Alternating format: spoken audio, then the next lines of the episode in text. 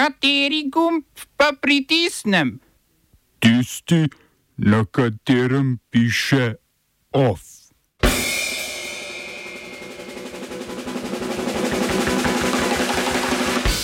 Armenski parlament izglasoval pridružitev mednarodnemu kazanskemu sodišču. Varnostni svet Združenih narodov odobril posredovanje proti tolpam na Haitiju. Brazilija staroselske zemlje izganja naseljence. SDS z interpelacijo proti Sanji Ajanovič-Hovnik.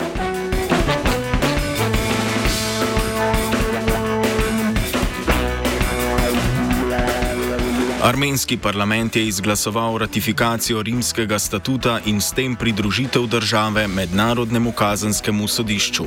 Odločitev bo stopila v veljavo 60 dni potem, ko jo bo podpisal predsednik države Vahagen Hačaturjan. Pridružitev mednarodnemu kazanskemu sodišču armenska vlada utemeljuje kot odziv na azerbajdžansko zauzetje Gorskega Karabaha. Armenski minister za pravosodje Grigor Minasjan trdi, da je pridružitev sodišča sodišču nujna, da bo lahko Azerbajdžan odgovarjal za vojne zločine, ki jih Erevan očita Bakuju. Na drugi strani tiskovni predstavnik ruske vlade Dmitrij Peskov označuje pridružitev za sovražno dejanje proti Rusiji. Mednarodno kazansko sodišče je namreč ukazalo aretacijo ruskega predsednika Vladimirja Putina na podlagi obtožb o ugrabljanju in deportaciji otrok iz Ukrajine. Armenija je rimski statut podpisala že leta 1900. 1999, vendar ga ni ratificirala, ker je ustavno sodišče takrat ugotovilo neskladje obveznosti sporazuma z armensko ustavo. Ustavo so od tedaj dvakrat spremenili in marca letos je ustavno sodišče odločilo, da je neskladje odpravljeno.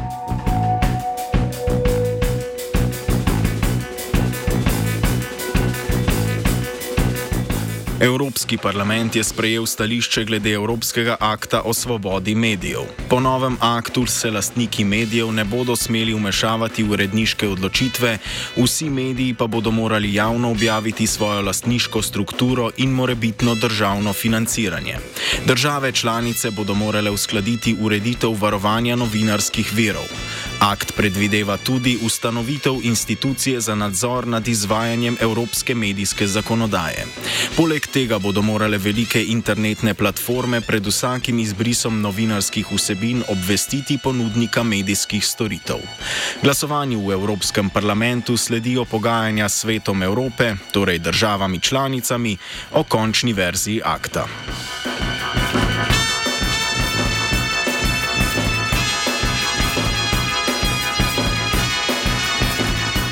Tunizijski predsednik Kaj Sajed je zavrnil finančno pomoč Evropske unije v vrednosti 127 milijonov evrov. Evropska komisija je pred dobrim tednom izplačilo denarja najavila v zameno za preprečevanje odhodov migrantov iz Tunizije proti Evropi.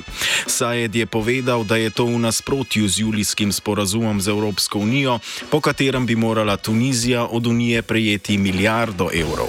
Po sporazumu je sicer uradno 127 milijonov milijonov evrov predvidenih za financiranje tunizijskega mejnega nadzora. Sajed pa pričakuje tudi izplačilo preostalega denarja, uradno namenjenega gospodarski in proračunski pomoči Tuniziji, katere gospodarstvo trpi zaradi visokega dolga v tuji valuti. Sporazum je komisija s Sajedom sklenila kljub njegovemu očitnemu preganjanju migrantov in opozicije.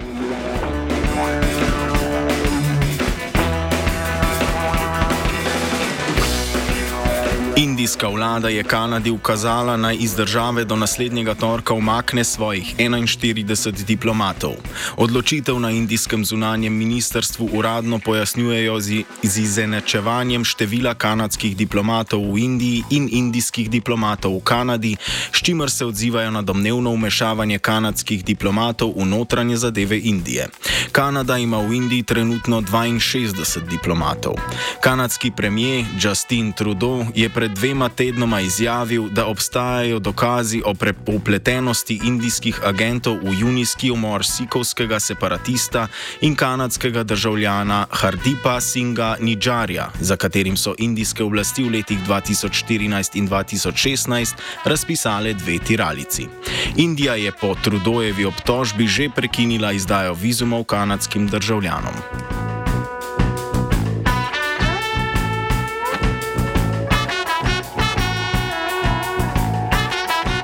Varnostni svet Združenih narodov je odobril mednarodno policijsko posredovanje na Haitiju za boj proti kriminalnim tolpam, ki nadzirajo dele prestolnice Port-au-Prince. Mednarodne sile bo vodila Kenija, ki se je za to vlogo javila konec julija. Osebje nameravajo poslati še Bahami, Jamajka, Antigua in Barbuda. Združene države Amerike so obljubile logistično in finančno podporo. Za pomoč v boju proti tolpam je haitijska vlada pod vodstvom začasnega premijeja Ariela Onrija zaprosila pred letom dni, saj tolp sama ni zmožna zatreti. V tolpaški vojni, ki se iz prestolnice širi v druge dele države, sodeluje okrog 150 tolp, večina od njih združenih v dve sovražni zavezništvi. Nasilje med tolpami in nad prebivalstvom je po poročanju Agencije Združenih narodov za človekove pravice med januarjem in avgustom letos povzročilo 2400 smrti, skoraj 1000 ljudi je bilo ranjenih in približno toliko ugrabljenih. Varnostni svet je posredovanje odobril s 13 glasovi za, Rusija in Kitajska sta, glasova, sta se glasovanja vzdržali. Med letoma 2004 in 2019 sta na Haitiju že delovali podobni misiji Združenih narodov. Modre čelade so v karibski državi ostale najbolj znane potem, da so lokalnim prebivalcem prinesle kolero, zaradi katere je pomrlo med 100 in 300 tisoč Haiticev.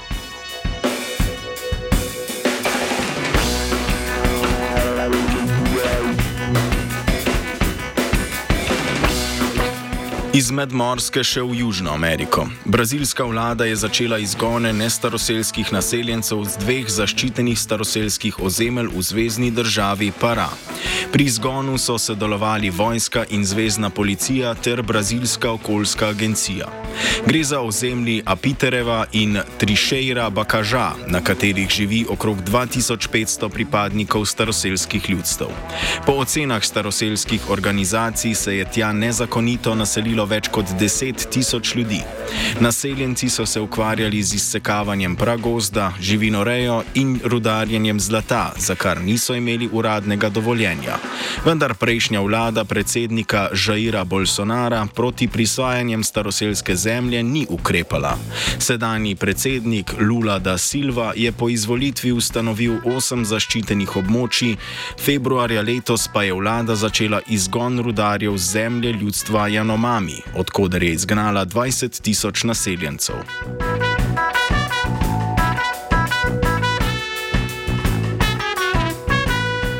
Nigerijski sindikati so odpovedali splošno stavko, ki bi se morala začeti danes, saj je vlada pristala na ukrepe za blaženje posledic njenih gospodarskih reform.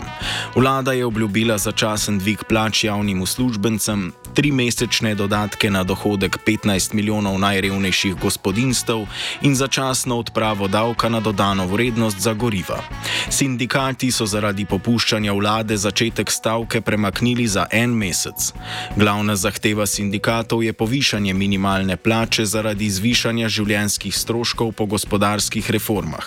Nigerijski predsednik Bola Tinubu je po prevzemu oblasti maja letos ukinil državne subvencije za gorivo in ukinil omejitve za trgovanje s tujimi valutami, kar je privedlo do 25-odstotne inflacije.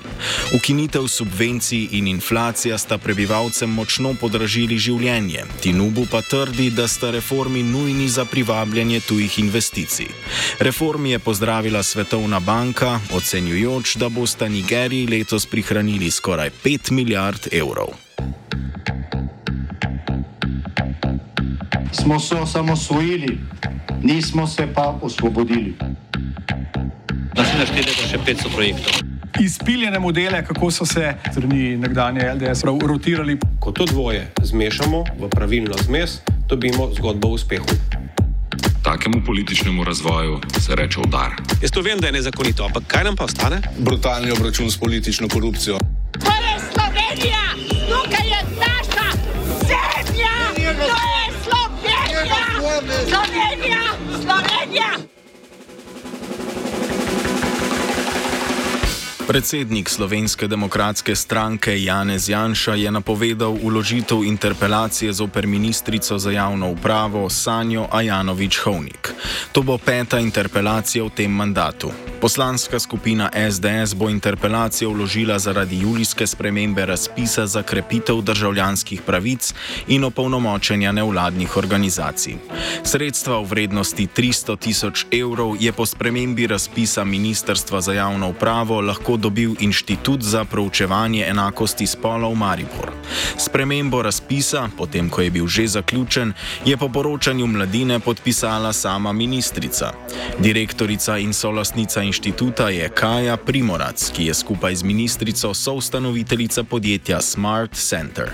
Kaja Primorac je kot svetovalka sodelovala pri petih vlogah na razpisu, od katerih so sredstva odobrili vsem.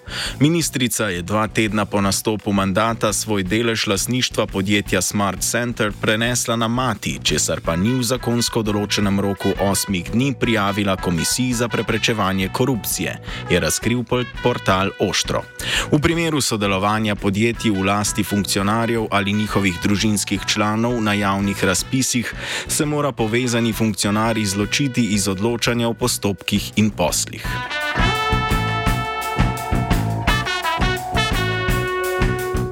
Direktorat za okolje je predstavil rezultate analize mulja na poplavljenih območjih na Koroškem. V naplavljenem mulju so odkrili nevarne snovi na prevaljah in v mežici. 25 tisoč kubičnih metrov mulja so označili za nevarne, med nenevarne odpadke pa so uvrstili 60 tisoč kubičnih metrov mulja. Direktorat se s tovarno akumulatorskih baterij, znano kot TAB Mežica, odgovarja za odlaganje nevarnega mulja na njihovem odlagališču nevarnega nevarnih odpadkov, je povedala generalna direktorica direktorata za okolje Tanja Bolte. Če govorimo o nevarnih odpadkih, je potrebno, kot sem rekla, ta uh, mulj, ki ga je nekje 25 tisoč kubičnih metrov, to so samo ocene, ja, uh, odložiti na odlagališče za nevarne odpadke. V tem območju imamo edino odlagališče za nevarne odpadke, ki je urejeno kot odlagališče za ograjo, ima pravilno, um, kaj ne rečem, posteljico, pravilno, primerno uh, tla uh, in vse skupaj urejena, je odlagališče Taba. To je edino odlagališče v tem območju. Do sedaj se ni pripeljal še noben tovrnak na to odlagališče. Je pa res, kot je že minister prejšnji teden povedal na obisku, da smo se pogovarjali, oziroma nekaj začeli pogovore ali pa kontakt vzpostavljali z samim upravljavcem, se pravi tabom, podjetjem, ali je to sploh možno izvesti ali ne, tudi glede na količino. Nič več od tega. Od tega. Tako da mi, mi tam smo bili včeraj na zadnje na pogovorih in um, pogovori se nadaljujejo, ker želijo tudi županja občine Črne, želi pogovor med um, tabom in pa z nami skupaj. To je bila tudi sklep današnjega sestanka. OF je pripravil Matej.